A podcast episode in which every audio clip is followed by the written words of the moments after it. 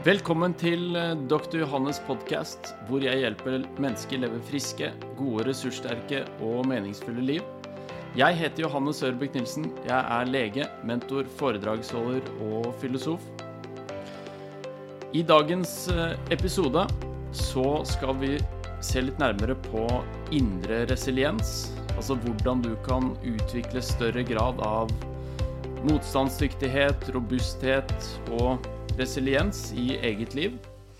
Og det er noe som er veldig, veldig viktig, og noe som er en veldig, eh, veldig essensiell ingrediens i forhold til det å ha et eh, høykvalitetsliv. Du kan jo tenke livet er jo ganske røft til tider. Det, det kan kaste ganske mange ulike utfordringer og uforutsette hendelser. Samtidig som vi også lever i en endring som er veldig, veldig uh, vi, lever i en verden som er stadig i endring. Det er masse kaos og uforutsigbarhet der også. Så å ikke ha de egenskapene der, motstandsdyktighet og resil uh, resiliens, det vil gjøre livet veldig vanskelig å leve. Resiliens det er eh, et ord som egentlig betyr å hoppe tilbake. Så det kommer egentlig fra det at du faller ned La oss si du faller ned på ryggen, og så reiser du deg opp igjen. Det er egentlig det eh, ordet kommer ut ifra. Så hvor raskt kan du egentlig bevege deg fra eh, en eller annen situasjon hvor du faller ned i livet, og så kan du reise deg opp igjen? Det er veldig mye av det det dreier seg om. Så i møte med hva som helst av utfordringer, smerte, ubehag, hvordan takler du det? Hvordan takler kroppen din det? Hvordan responderer alt det du er, i møte med disse eh, vanskelighetene eller ubehagelige tingene? Det er egentlig det denne episoden her uh, handler om. Jeg husker uh, jeg kom over en historie for en stund tilbake hvor det da var Det er en slags lign, lignelse eller et eller annet sånt noe hvor det er eh, Som forteller om et stort eiketre som er veldig robust. Det er litt derfor jeg valgte det bildet som er på forsiden på Instagram, hvor det er et stort tre. Og dette store eiketreet hadde en kjempestamme og hadde stått der i veldig mange år. Og ved siden av så sto det da en bambusplante som er mye mindre og har mye tynnere stamme. Så en dag så kom det en ekstremt kraftig storm innover denne skogen. Og det var utrolig eh, vindkast som kom innover der. Og eh, store, det store eiketreet eh, prøvde så godt den kunne å tilpasse seg, prøvde så godt den kunne å ta imot disse kraftige vindkastene. Men etter hvert så, så greide den ikke å absorbere mer av den styrken, for det var så kraftig, kraftig vindkast. Og da endte det med at eiketreet knakk, og så falt det over. Mens eh, bambusplanten med sine tynne, fleksible stenger hadde en mye større evne til å bøye seg med vindkastene, som gjorde at den kunne absorbere veldig mye av den kraften. Og det denne historien her egentlig prøver å få frem, det er viktigheten av å utvikle og ha både tilpasningsdyktighet og det å være fleksibel i møte med utfordringer. Og det er eh, noen egenskaper som jeg skal snakke litt om litt senere også, i forhold til hvordan, hvordan du kan gå frem for å utvikle disse eh, litt mer. Det var en, eh, en lege, som, eller en psykiater, som het Paul Stoltz, som skrev en bok en gang som het 'Adversity Quotient', altså motgangskvosient. da, Eh, som han utviklet en teori i forhold til Dersom du uh, møter på noe som er vanskelig i livet, hvordan responderer du på det? Og det var dette her han prøvde å forklare. Og han kategoriserte mennesker inn i tre grupperinger. Og det var de da som lett ga opp i møte med utfordringer. De som bare takler det, eller cope med en sånn type situasjon. Og de da som kan blomstre eller florere i møte med utfordringer. Og hensikten han hadde med å utvikle denne teorien her, det var rett og slett å komme opp med en forklaring på hvorfor noen kommer seg frem i livet til tross for utfordringer, og andre som ikke gjør det.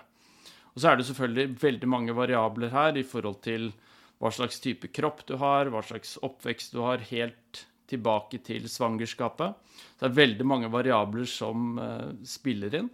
Men viktigheten her er egentlig å få ut det potensialet som bor i deg, nettopp sånn at du kan få utviklet mer og mer av denne kvosienten, eller dette forholdet han snakket om, da. Og det Han delte også inn i ulike holdninger man kan ha til utfordringer i livet, som jeg syns egentlig var ganske interessant. Det første nivået som han snakket om, det handlet om en slags fornektelse i forhold til utfordringer. Og det betyr at du er klar over at vanskeligheter og ubehageligheter er der, men du prøver så godt du kan å skyve det litt under teppet, under radaren, slik at du slipper å forholde deg til det bevissthet, men det er der allikevel. Så det, sånn, det er på en måte det, det, laveste nivået der, og da vil du ha, oppleve veldig, veldig mye eh, turbulens og svingninger i eget liv. Nummer to så snakket han om en slags offermentalitet. Og det dreier seg mye mer om at i møte med alle disse vanskelighetene, så kjenner du på en, at du blir veldig, veldig overveldet. Og fordi du blir overveldet av det, så er det veldig lett å komme opp med eksterne forklaringer på hvorfor du selv ikke greier å håndtere en situasjon. Det neste nivået han snakket om, det var en slags Kall det en eh, overlevelsesmentalitet. Og det var at du var egentlig ganske aktiv når det dukket opp utfordringer. Så prøvde du å løse det på en eller annen desperat måte. Så du gjorde alt du kunne for å prøve å gjøre det bitte lite grann bedre. Og så hadde han det siste nivået, som var en, det han kalte en navigasjonsmentalitet.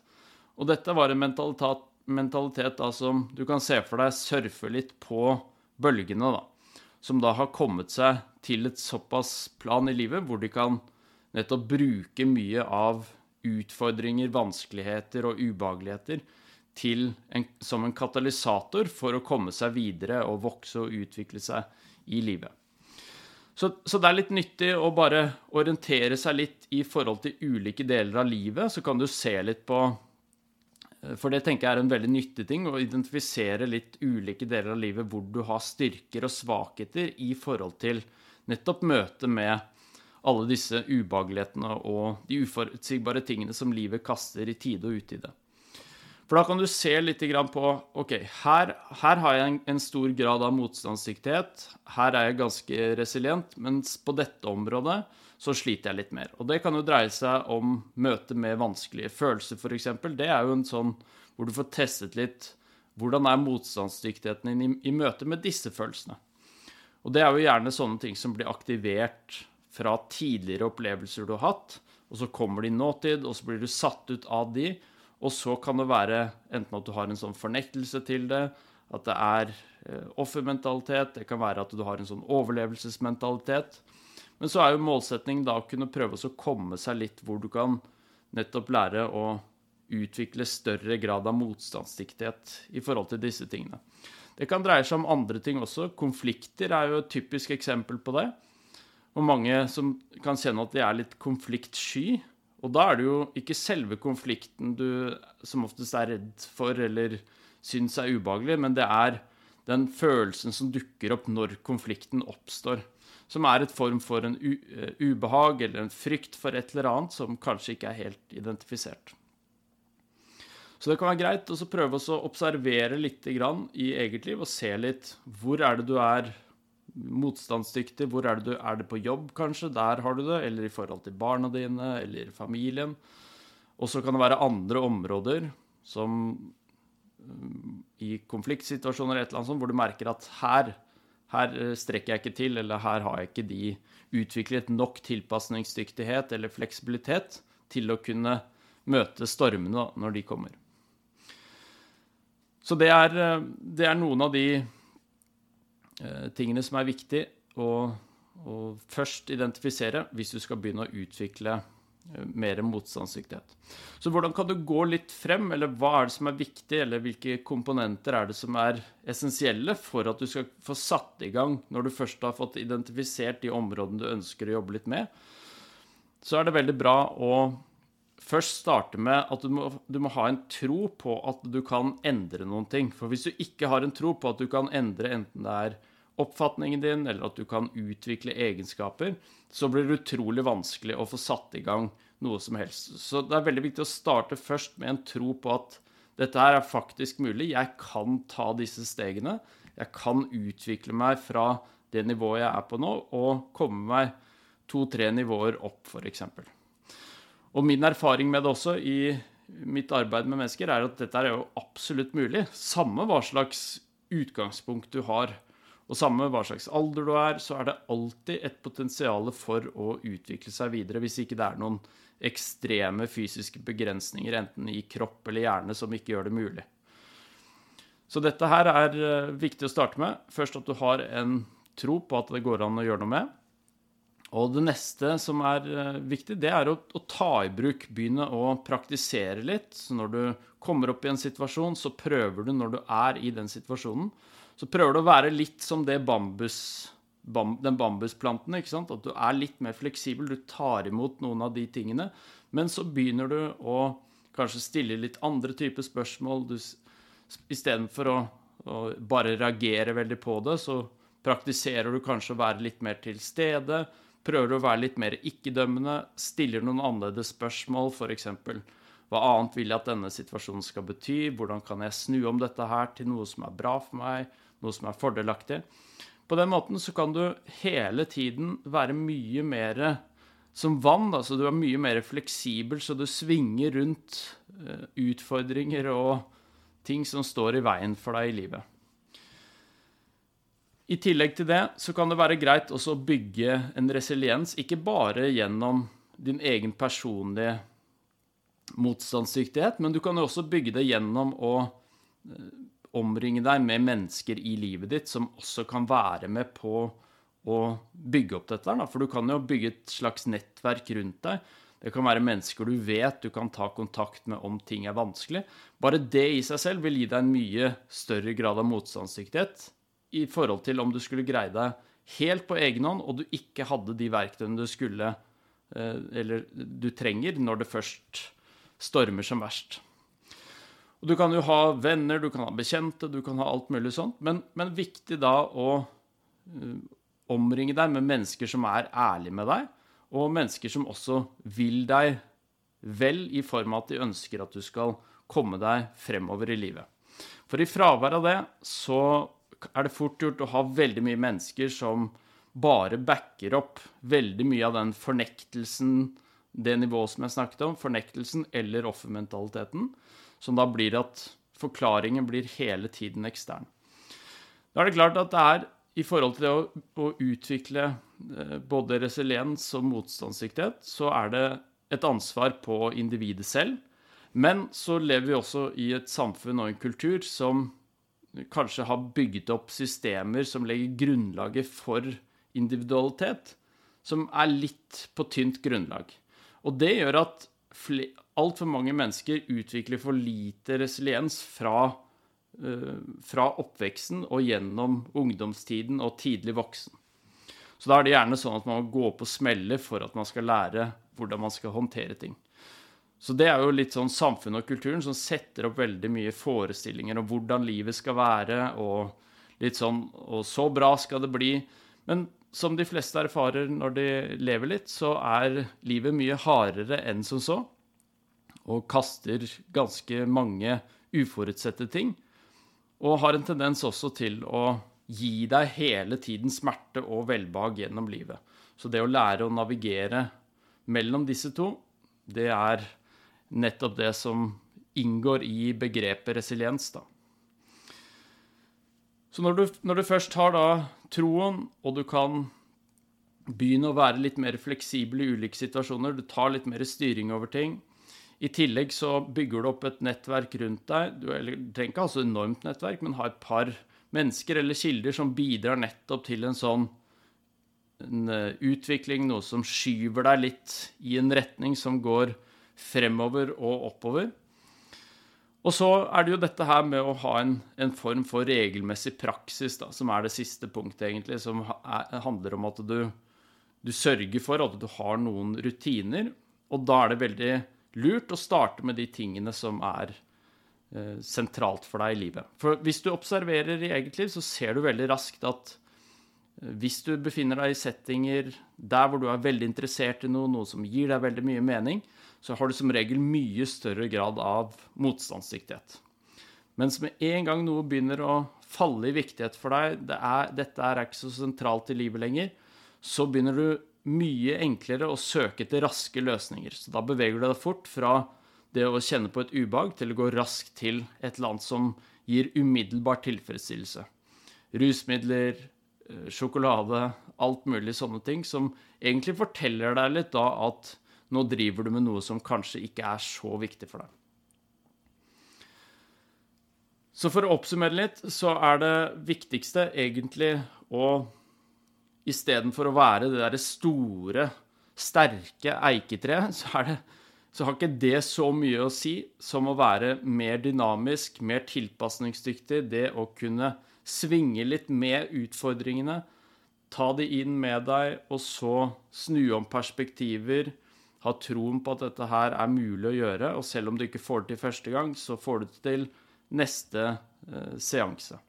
Og det er litt sånn du også kan se for deg at du korrigerer litt dine egne ubalanser, men også når det går litt gærent, så er ikke det et tegn på at du er udugelig, det er ikke et tegn på at du ikke får til ting, men det er bare en korrigering, en kilde til eh, ny læring.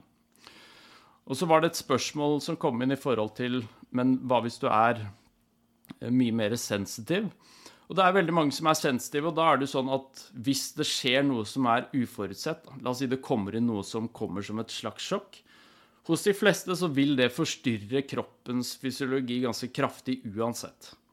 Men hvis du er ekstra sensitiv da, så kan det jo være at du blir Da faller du ned, og så kan du bli liggende veldig lenge fordi du kjenner veldig mye på ting hele tiden. Men her er det nettopp hvis du bygger opp et slags Du ser for deg at du har et sikkerhetsnett rundt deg. Så det første er deg selv, og så er det de verktøyene du har tilgjengelig, som kan sørge for at du er fleksibel og tilpasningsdyktig. Og så har du et nettverk rundt som nettopp kan ta deg litt imot, sånn at fallet ikke blir så stort hver eneste gang. Og så har du noen rutiner som du også vet at når det stormer som verst, så har du, noe du noen kilder du kan gå til, du har et eller annet du kan begynne å praktisere som sørger for at du, som ordet resiliens sier, at du hopper raskere tilbake. Så det er jo egentlig svar på det, men ikke bruke det at man er sensitiv som en forklaring på at det ikke går an å utvikle større grad av motstandsdyktighet, for det stemmer ikke. Det betyr bare rett og slett at du vil ha litt mer vind mot deg i begynnelsen, men samtidig så trenger ikke det å være en kjempesvakhet. Men det, det, handler bare rett og slett om å lære seg å håndtere eh, de eh, ubehagelige følelsene når de først dukker opp. Så det var egentlig det jeg hadde på programmet i dag. Er det noen som har noen spørsmål eller eh, innspill eller kommentarer, så kan vi ta det. Eller så tenker jeg vi kan runde av for i dag.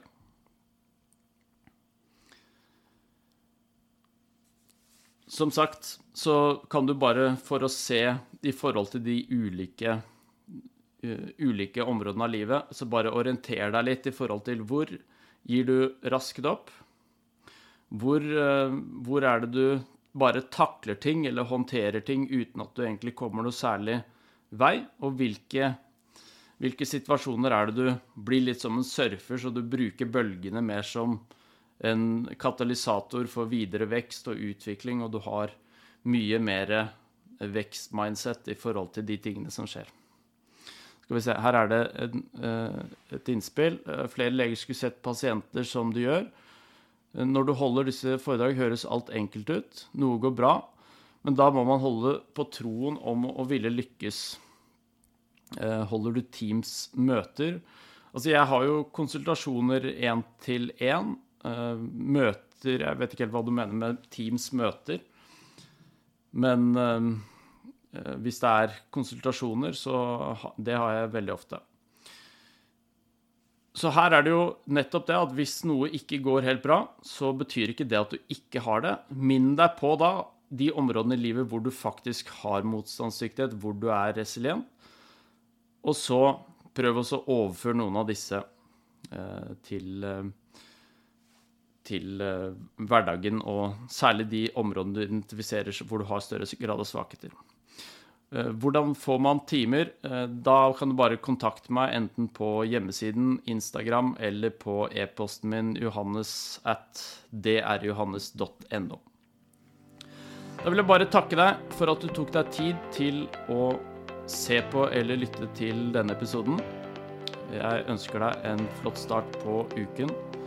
Håper dette har vært eh, litt nyttig, at du har fått litt utbytte, og at du kan få iverksatt litt endringer som kan bygge litt større grad av både motstandsdyktighet og resiliens. Ta godt vare på deg selv. Bruk mest mulig tid og energi på de tingene du kan gjøre noe med. Så ses vi igjen neste søndag. Ha det bra. Takk for at du lyttet til denne episoden. Dersom du ønsker å sjekke ut flere av mine temaer, tjenester og produkter, gå inn på drjohannes.com eller sjekk ut mitt todagers eh, seminar innsidejobben.com, eller gå inn på Instagram at drjohannes med C.